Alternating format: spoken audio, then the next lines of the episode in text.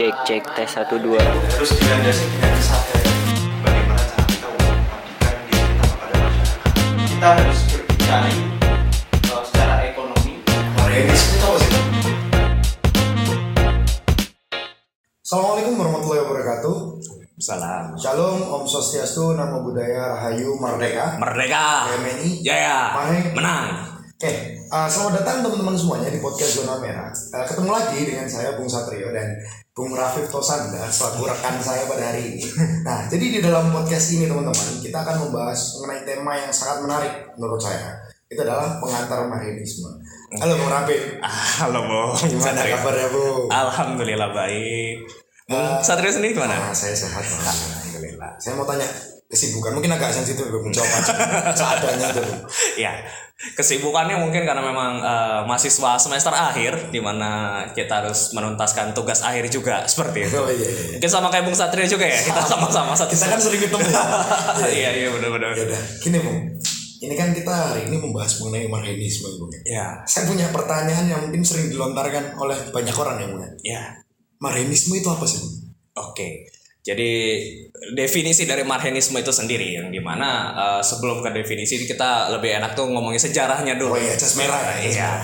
Ya tentunya eh, marhenisme sendiri itu mungkin secara gagasan itu lahir pada eh, 1926 di mana Bung Karno menulis dalam Solo Indonesia itu di mana em, berjudul terkait eh, nasionalis, agamis, islamis, sorry, dan juga marxis. Ini mana Bung Karno di sana merasa tiga poros kekuatan ini memiliki irisan yang sama dan memiliki ke- eh, mempunyai ke- kemusuh yang mempunyai musuh yang sama seperti itu. Kenapa tidak tiga kekuatan ini, tiga poros ini eh, disatukan dalam dalam satu wadah?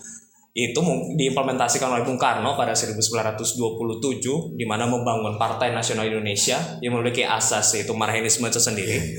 Cuman itu baru konsepnya dan pada tahun 1928 baru konsepnya itu dinamakan marhenisme ketika Bung Karno ke Bandung dan bertemu dengan Kang Marhen atau ada yang memiliki eh, ada yang mendefinisikan bahwa sebenarnya itu Mang Mang Aen ada juga bilang Kang Marhen seperti itu. Di sana Bung Karno melihat bahwa eh, Kang Marhen ini memiliki alat produksi cuman de, keseharian itu sangat sederhana dalam arti ya hanya eh, kebutuhan keluarganya sendiri ya dicukupkan cuman tidak bisa yang lebih-lebih seperti itu. Dan Bung Karno sendiri eh, merasa apakah ini salah Kang Marhen sendiri atau mungkin ada faktor yang lain. Usuk us, punya usut bahwa eh, Kang Marhen ini dimelaratkan oleh sebuah sistem yaitu pada saat itu kolonialisme dan imperialisme seperti itu. Apakah selalu sistem? Iya, karena dirasa eh, ketika memang eh, dimelarikan oleh karena Kang Marhennya sendiri, saya eh, pada saat itu Bung Karno merasa tidak, karena memiliki alat produksi, dia juga punya punya sawah sendiri dan bekerja keras untuk menghidupin keluarganya, cuman ya tidak tidak maksimal dalam pendapatan karena dimiskinkan oleh sistem seperti itu. Ya, petani sama peternak yang mana yang nggak bekerja keras? Iya tentu. Jadi memang eh, secara definisi Marhenisme itu adalah sebuah ajaran atau alat perjuangan untuk membantu kaum Marhen dalam eh, kesejahteraannya yang tertindas atau dimelaratkan oleh sistem kapitalis, sistem imperialis dan juga kolonialis seperti itu. Oh gitu. Gini Bung, itu kan berarti kan marianisme tadi ya. Eh, sekarang saya sering dengar juga kalau ternyata itu ada sebutan-sebutan gitu loh di dalam marianisme. Istilah. Istilah ya. Iya. Ada istilah di dalam marianisme. Nah, itu kalau nggak salah saya dengar itu namanya yang tadi kan ada marhen sudah tersebutkan ya. Yang satunya tadi itu marhenis dong. Iya. Marhenis itu apa bu? Iya. Jadi mungkin kemarhennya dulu mungkin ya. Oh, iya, iya. Kemarhennya itu sendiri adalah mereka yang diperjuangkan atau mereka yang eh, yang tertindas atau dipelarikan oleh sistem tadi. Kalau dalam Bung Karno menyampaikan itu ada tiga unsur di sana, yaitu unsur proletar Indonesia atau buruh, unsur kaum tani yang melarat dan juga kaum melarat Indonesia lainnya seperti itu. Jadi ada tiga di sana dan juga untuk Marhenis sendiri yaitu mereka yang mengaminkan ajaran Marhenisme, mereka yang mengimplementasikan ajaran Marhenisme dan bergerak bersama kaum kaum kaum Marhen di tengah-tengah kaum Marhen bergerak berjuang bersama-sama seperti itu. Oke, itu berarti tadi marhen dan marhenis. Iya. Tapi sekarang eh, gini bung, saya nggak tahu ini saya liar aja pemikirannya. ini kan di seluruh di seluruh bagian dunia mana pun ini ya bung ya. Eh. Semua hal itu kan ada karena ada filsafat, karena ada akar pemikirannya. Nah kalau marhenisme ini sendiri bung, akar filsafatnya itu akar filsafat apa, dari mana? Kapan itu Oke, ya jadi memang eh, Bung Karno ini dalam melihat sebuah peristiwa sosial atau mungkin dinamika sosial, Bung Karno di sini menggunakan pisau analisis yaitu materialis dialektis historis seperti itu. Jadi secara filsafat menggunakan materi, eh, filsafat materialis. Dalam arti di sini melihat kepunyaan atau kepemilikannya ke objeknya meter itu tadi itu di, dilihat secara di dalam peristiwa itu kepemilikan dan kepunyaannya itu apa dan juga didialektikakan dengan subjeknya. Karena setiap objek kan pasti punya subjek seperti itu. Nah subjeknya ini manusia seperti itu. Jadi pada ketika kita me- eh, mendialektikakan atau menggabungkan eh, pengaruh dari objek dan subjeknya tadi itu ada menghasilkan sebuah sintesa sintesa tesis anti- antitesis seperti itu kurang lebihnya Iya, iya, iya. dan secara historis atau materialis historis di mana kita melihat sejarah ini berbasis materi seperti itu. Dari dalam sejarah itu pasti ada kepemilikan, ada kepunyaannya, ada pola-polanya di sana seperti itu. ya memang karena memang kalau misal kita ngomongin kepemilikan kan memang tidak bisa dilepaskan dengan si pemilik mungkin ya Iya, oh, jadi mungkin dengan itu biar lebih objektif mungkin ya iya, mungkin ini Bung nah kalau misal kita menganalisis situasi dan kondisi sosial ya Bung ya Iya. penting gak sih kalau kita pakai filsafat materialisme atau mungkin kita juga bisa menggunakan filsafat idealisme mungkin bedanya aja dulu bedanya. Iya, ini bingung saya soalnya Ya jadi memang dalam melihat peristiwa sosial itu ada beberapa ada dua aliran besar seperti itu, aliran idealisme dan juga materialisme. Kenapa menggunakan materialisme? Karena yang tadi, karena bersifat materialisme dianggap bersifat praksis yang di mana pengimplementasian atau action itu lebih jelas. Karena semuanya itu semua peristiwa sosial itu dilihat secara meternya atau kepemilikan atau kepunyaannya. Sementara idealisme itu sendiri eh, melihat peristiwa sosial itu dari ideanya atau dari jiwanya pribadi-pribadinya. Jadi sehingga lebih subjektif dalam melihat peristiwa sosial seperti itu. Oh iya, padahal kalau misalnya kita lihat peristiwa sosial itu nggak bisa itu nggak bisa datang dari pemikiran kita sendiri juga ya bung ya. Iya. Harus di-compare dengan pemikiran-pemikiran orang-orang di sekitar kita juga gitu ya. Iya. Oh mungkin itu untuk supaya lebih objektif juga lah ya bung. ya. betul. Eh, ini bung, kan kita udah ngerti nih sekarang bedanya idealisme dan materialisme. Kita udah ngerti juga kalau marinisme itu akar filsafatnya itu filsafat materialisme.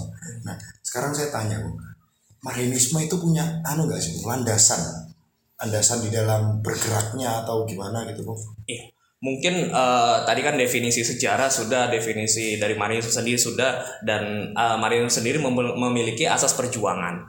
Hmm. Dalam arti di sana Marinisme sendiri memiliki turunan sosio-nasionalis dan sosio-demokrasi. Di mana sosio di sana tuh ke masyarakat, jadi nasionalis yang ke masyarakat atau nasionalis yang mengedepankan nilai-nilai kemanusiaan di sana Iya iya. yang mengedepankan bahwa eh, mereka yang di dalam nasional di dalam negara itu adalah mereka yang berdaulat, mereka yang eh, adil seperti itu, mereka yang sejahtera seperti itu. Yang bedanya sama nasionalisme lain apa bung? Ya mungkin kalau secara definisi atau nasionalisme ajaran-ajaran yang lain mungkin ada beberapa yang berbeda, ada yang berbeda gitu, yaitu chauvinis yang di mana mereka menganggap ya negara apa nasionalis yang paling baik atau paling sempurna itu nasionalis sendiri. Nasionalis negara-negara lain itu lebih rendah dibanding nasionalis dia sendiri seperti itu. Oh kayak Hitler mungkin gitu Bung. Iya, kalau saya boleh sebut mungkin, ini ya, iya. mohon maaf ya teman-teman ya. Iya. Oh iya iya iya. Berarti kalau misal eh, asasnya asasnya marinisme tadi kan ada dua tadi ya, sosio nasionalisme dan sosiodemokrasi. Nah, kalau sosiodemokrasi ini tepatnya yang gimana bung? Iya, sosiodemokrasi itu terdiri dari demokrasi politik dan juga demokrasi ekonomi. Di mana pada akhirnya muaranya politik dan eh, ekonomi ini sosiodemokrasi yang namanya kemasyarakatan yaitu ya politik kemasyarakatan dan juga ekonomi kemasyarakatan. Yang di mana eh, pada akhirnya muaranya itu mengedepankan kaum marhen, menduluankan kaum marhen untuk sejahtera terlebih. Jadi polisi-polisinya dan juga kebijakan-kebijakannya itu menyelamatkan kaum marhen sendiri. Seperti itu. Oh, gitu. Eh, Memang kalau kita ngomongin demokrasi itu bukannya selalu ngomongin politik aja tuh. Enggak, jadi memang eh, unsur-unsur dalam demokrasi itu kan banyak. Ada politik, ada ekonomi, seperti itu. Ya, mungkin memang ekonomi itu supaya eh, di dalam sistem pemerintahan itu tetap memperhatikan kondisi ekonominya rakyatnya mungkin gitu ya. Iya, tentu. Ya ya ya. Itu kan tadi asas berarti ya Bung ya. Hmm. Kalau eh, kita ngomongin masalah ini Bung, step by stepnya untuk merealisasikan marinisme itu gimana sih Bung? Iya, ketika kita sudah sampai di asas perjuangan, tentunya kita lanjut ke strategi perjuangan yang di mana terdiri dari lima. Yang pertama yaitu progresif revolusioner, di mana kita menjebol dan membangun berdasarkan dari dasarnya. Kita berubah dasarnya itu secara cepat. Yang terdiri dari ya kita bergerak itu secara terorganisir, sistematis dan juga continuous serta militan seperti itu. Apakah harus seperti itu, Bung? Kenapa nggak revolusioner aja atau progresif saja? Ya, saya rasa dua-duanya itu benar-benar saling eh, bergandengan dalam berjalan karena demi eh, progres itu kan menjadi yang lebih baik ke depannya. Ada progresnya di sana. Sementara revolusioner menjebol dan membangun. Jadi ya ketika kita terorganisir sistematis dan juga berjalan bareng-bareng, ya pada akhirnya outputnya itu ke progresif revolusioner. Berarti memang menjadi seorang penganut Marianis terus ada step by step yang Ya. dengan cepat harus direalisasikan gitu ya, Bung ya. Iya benar sekali. Iya, Mungkin ada lagi Bung lanjutannya. Yang selanjutnya itu non kooperasi. Ini berarti eh, tidak bekerja sama. Dalam arti bukan berarti Marianisme menganut ajaran yang eksklusif. Cuman ya mereka eksklusif ketika eh, menanggapi sebuah eh, kepentingan-kepentingan yang berlawanan dengan eh, Marianisme itu sendiri. Di mana Marianisme sendiri menginginkan kesejahteraan adil makmur de- kepada kaum marhen, cuman dia tidak akan bekerja sama dengan mereka yang memiliki pandangan yang berbeda atau berlawanan seperti itu yang mengingin penindasan, yang ingin men- melaratkan kaum marhen atau rakyat, itu kita tidak bekerja sama dengan eh, golongan-golongan seperti itu. Itu benar-benar tidak bekerja sama berarti ya. Iya, non kooperatif. Benar-benar non kooperatif berarti ya. Iya. Mutlak berarti ya. Iya. Ya, mungkin Karena memang kan ketika bergerak itu kita tetap menggandeng mereka yang kepentingan yang berlawanan ya kontradiksi dalam bergerak. ya pelin-pelan. Iya, seperti itu. Nah, lanjutannya Bung? Yang selanjutnya itu adalah Max Max Fomin dan juga Max Wending. Nah, iya, iya. atau mungkin dalam gampangnya itu Max Fomin itu adalah penyatuan kekuatan kekuatan-kekuatan eh, revolusioner kekuatan progresif revolusioner yang di mana ketika me- men- menyatukan kekuatan itu kita langsung ke Max Wending yaitu menggunakan kekuatan itu tadi menggunakan kekuatan sesuai dengan eh, ajaran dari Marianisme itu sendiri Iya, iya, iya, iya. Ah, mungkin lanjutnya. Ya selanjutnya itu ada masa aksi, di mana ketika kita eh, bergerak bergerak itu ya kita harus bersama-sama dan sadar bahwa eh, bergerak itu demi kesejahteraan bersama, tidak melihat eh, kamu untung apa aku untung apa, cuma semuanya itu ingin keadilan kesejahteraan bersama-sama, tidak individu-individu seperti itu.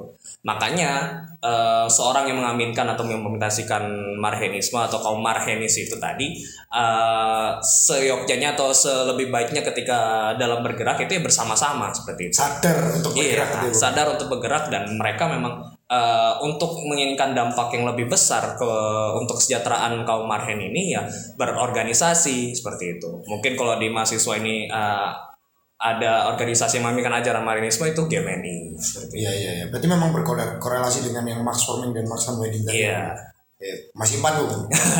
ya, selanjutnya itu ada self help dan self reliance. Di mana kita bergerak ini self help ini ketidak tidak ketergantungan dengan kekuatan yang lain. Tidak ketergantungan dengan gerakan yang lain. Sehingga ketika kita eh, tidak tergantung dengan gerakan yang lain ya kita tidak eh, tidak diintervensi dalam bergeraknya. Ketika kita ketergantungan otomatis ya ketika yang kita gantungin ini berbeda arahnya kita akan ikut seperti itu. Oh iya, iya. Sementara di self help ini ya kita tidak bergantung dengan ke- kekuatan-kekuatan yang lainnya, sehingga menghasilkan sebuah gerakan yang eh, percaya akan percaya akan gerakannya sendiri, percaya diri akan gerakannya sendiri. dipercayakan kekuatan yang dia Iya. himpun sendiri gitu ya Bung. Iya. Berarti memang kalau misal kita ngomongin masalah strategi perjuangan itu memang berkesinambungan satu sama lain ya Bung ya? Iya tentu bu. Iya iya. Nah ini Bung menarik Bung. Ini kita udah bahas mengenai landasannya Marianisme. Kita udah bahas juga mengenai strateginya tadi ya, strategi perjuangannya. Sekarang eh, kalau kita ngomongin masalah Marianisme itu implementasinya Bung. Iya. Jelas namanya sebuah ajaran itu tadi ada metode berpikirnya, ada asas perjuangan, ada strategi juga tentu ada implementasinya dong. Biar nggak mengawang-awang karena materialnya kan bersifat praksis atau Betul. implementasi seperti itu. Tentunya eh, untuk implementasinya secara eh, besar itu yang pertama itu state building, di mana pembangunan eh, berkelanjutan negara.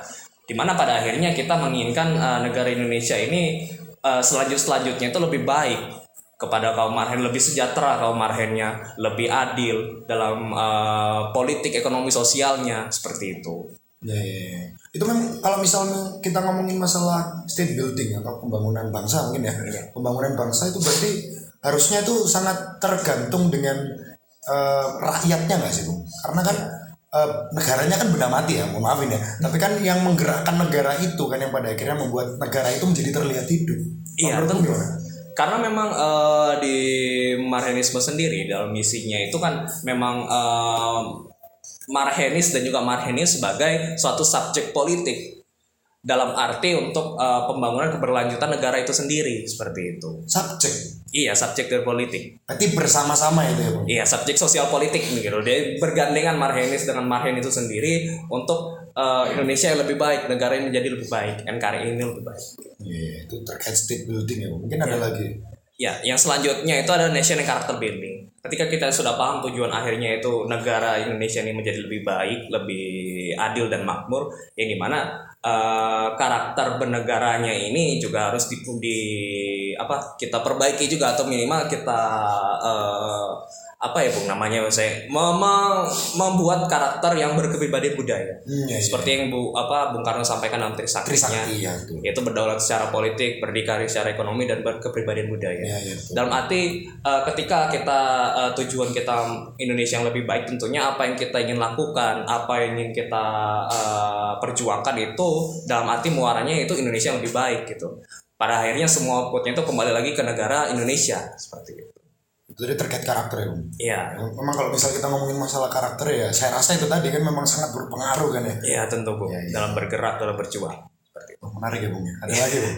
Ya selanjutnya itu adalah social economic developing di mana seperti yang tadi di asas perjuangan itu sosiodemokrasi eh, politik dan juga sosiodemokrasi ekonomi di mana pada akhirnya semuanya itu bergantung pada sosial dan ekonomi kita ketika kita mengharapkan Indonesia yang lebih baik Indonesia yang lebih sejahtera ya kita lihat dulu keadaan sosial dan keadaan ekonominya. Apakah itu memang membantu eh, kaum marhen sendiri? Apakah sosial atau gotong royongnya masih terasa? Indonesia kepribadian Indonesia masih terasa? Atau eh, ekonomi secara ekonomi kita berdikari atau tidak? Berpolitik eh, berdaulat atau tidak? Itu yang menjadikan eh, fokus utama seorang kaum marhenis seperti itu Oh mungkin memang gotong royong yang dicita- dicita-citakan sama para pendiri bangsa kita itu memang gotong royong yang secara sosial, secara ekonomi, secara politik dan lain Iya. sebagainya ya. Nggak hanya sekedar kerja bakti gitu kan. Iya tentu dalam arti gotong royong yang dimaksud itu ya kontribusi individu-individu ini terhadap kemajuan negara ini apa secara maksimal seperti itu. Iya iya iya. Cuman itu aja Bung. Iya untuk implementasi perjuangan marinisme secara eh, lingkup luas itu tiga itu tadi. Oke, berarti dalam skala nasional bentuk implementasi marinisme itu tadi ada tiga tadi ya Bung ya. Iya. Nah sekarang pertanyaan lebih lanjut Bung. Eh, itu kan tadi skala nasional ya Bung. Iya. Jangan gugup ya Bung. Ini kalau misal kita berbicara mengenai implementasi marinisme di dalam skup yang lebih kecil, terus kiranya ada nggak Bung? Ya mungkin karena memang kita Bung Satrio dan saya sendiri sendiri tergabung dalam organisasi Gerakan Mahasiswa Nasional Indonesia Fakultas Peternakan, tentunya kita uh, ada implementasi secara nyata, secara real gitu loh di dalam uh, kampus yaitu ketika kita uh, belajar ini bukan untuk bekerja dan berkeluarga. Cuman kita belajar ini untuk mengimplementasikannya lagi kembali lagi ke masyarakat. Kita turun lagi ke masyarakat mengedukasi masyarakat agar lebih baik seperti itu. Apalagi kita uh, ilmu disiplinnya itu peternakan seperti itu. Dalam arti di sini kita sebagai seorang akademisi yang mengkritisi polisi-polisi polisi-polisi atau kebijakan-kebijakan uh, pemerintah dalam peternakan itu sendiri. Apakah itu bersifat uh, mensejahterakan kaum marhen pe- atau kaum peternak? Apakah itu hanya sekedar uh, membuat uh, kantong-kantong penguasa atau mungkin kantong-kantong pembisnis yang lainnya itu tebal dan yang lainnya uh, kaum kaum marhen ini melarat kan? Tidak seperti itu Ya, tapi kan itu kan kita ngomongin masih aneh masih belum eh, maksudnya semua orang kan tahu bagaimana cara kita sebagai seorang mahasiswa mengabdi kepada masyarakat di sekitar kita. Iya. Nah, tapi nih kalau misalnya saya mau tanya, Bu. Ini kira-kira kalau Gemen Ifapa itu ini sudah punya program yang bentuk implementasi marinisme itu nggak sih, Bu?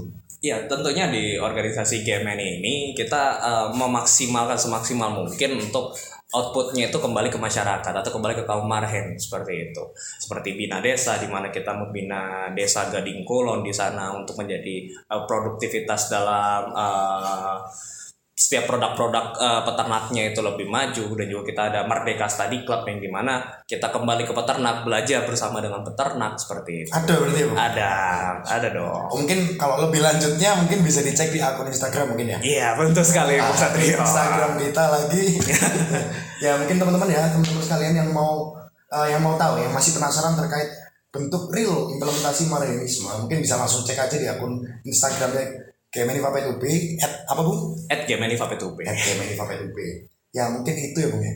Sekiranya mungkin yang saya tangkap eh, kalau misal kita ngomongin masalah Marianisme, berarti ini eh, nggak jauh-jauh lah ya definisinya dari mengabdi sebagai manusia Iya. untuk memanusiakan manusia kan gitu ya. Mungkin eh, sekiranya kalau misal kita bahas Marianisme lagi itu ada lagi nggak Bu, yang perlu ditambahkan? Iya, sebenarnya yang paling menarik ini karena tadi ya dari Bung itu ingin menyatukan tiga kekuatan tadi. Dalam artinya kita bergerak ini kita tidak melihat latar belakang. Kita tidak melihat sukunya, tidak melihat agamanya. Ya ketika ingin bergerak ya kita ayo bergerak bersama-sama seperti itu. Nggak ada tendensi oh, suku ini lebih ini, suku ini lebih ini, tidak. Dan itu yang menjadi salah satu saya rasa kunci utama kita dalam bergerak tidak membeda-bedakan eh, latar belakang. Karena ketika kita sudah eh, emosi atau mungkin sudah tendensi atau eh, sensitif terhadap agama atau budaya atau suku tertentu ya kita akan susah bergerak seperti itu. Mungkin itu aja bu. Ya. itu aja ya. Sudah mungkin kalau misal eh, kita dari tadi sudah membahas Marianisme ya bung ya. Mungkin saya mencoba untuk menyimpulkan sedikit dan mungkin saya beberapa te- tekankan sedikit ya bung ya. Berarti terkait Marianisme, Marianisme ini merupakan sebuah alat, sebuah sebuah ajaran yang digunakan untuk membela kaum Marhen. Ya. Bukan hanya sekedar membela kaum Marhen karena mereka lemah, tapi kita bergerak bersama, berjuang-berjuang bersama untuk merdeka bersama, sejahtera bersama dengan kaum Marhen. Kurang lebih begitu ya Bung ya. Jadi sudah ada asa, sudah ada strategi perjuangan dan lain sebagainya yang sekiranya eh, digunakan sebagai eh, jalur bagi teman-teman yang menganut Marianisme supaya bisa dengan mudah mengimplementasikan Marianisme. Sekaligus syarat dan standarnya teman-teman Mar Marhenis ya mungkin ya. Iya, tentu. Kurang lebih seperti itu ya. Ya mungkin itu ya Bung Rafif ya. Terima kasih banyak Terima atas kasih Mas Satrio udah yang sharing sangat di sini teman-teman. Ya. Eh, saya rasa juga teman-teman juga merasa merasakan manfaat dari ilmu yang diberikan sama Bung Rafif. Enggak ilmu lah sharing-sharing aja tadi kita. Sharing-sharing aja ya. Iya. Ya mungkin cukup itu ya Bung Rafif ya. Mungkin sebelum saya tutup saya mau kasih sedikit quotes nih. Waduh. Jadi Gimana? ada seorang bijak pernah berkata ke saya jadi ketika kita sebagai manusia yang merdeka hidup di sebuah negara sebuah organisasi sebuah wadah dan wilayah tertentu kita seharusnya bangga dan bersyukur atas perjuangan para leluhur kita yang telah mengabdikan dirinya kepada negara yang telah uh, mencoba untuk membela negara bahkan bahkan sampai titik darah penghabisannya Iya. dan seharusnya kita nggak lupa dengan mereka supaya kita bisa berbuat lebih dari mereka. Saya, saya rasa seperti itu ya bung. ya. Iya. Ya mungkin sepakat. eh, terima kasih lagi bung Rano. Sama-sama Bung Satrio. Ini saya habis ini saya tutup nih bung. Iya, Bung, belakang. Ya, mungkin terima kasih buat teman-teman podcast Zona Merah, tem- teman-teman penonton podcast Zona Merah. Jangan lupa untuk stay tune di podcast Zona Merah episode selanjutnya. Ya, saya Satrio Gunar Pambukti dan Bung Rafif Tosanda pamit undur diri. Wassalamualaikum warahmatullahi wabarakatuh. Shalom, Om Swastiastu, Namo Buddhaya, Rahayu, Merdeka. Merdeka. Gemini, Jaya. Parhe, Menang. Parhe, Menang. Parhe. Menang.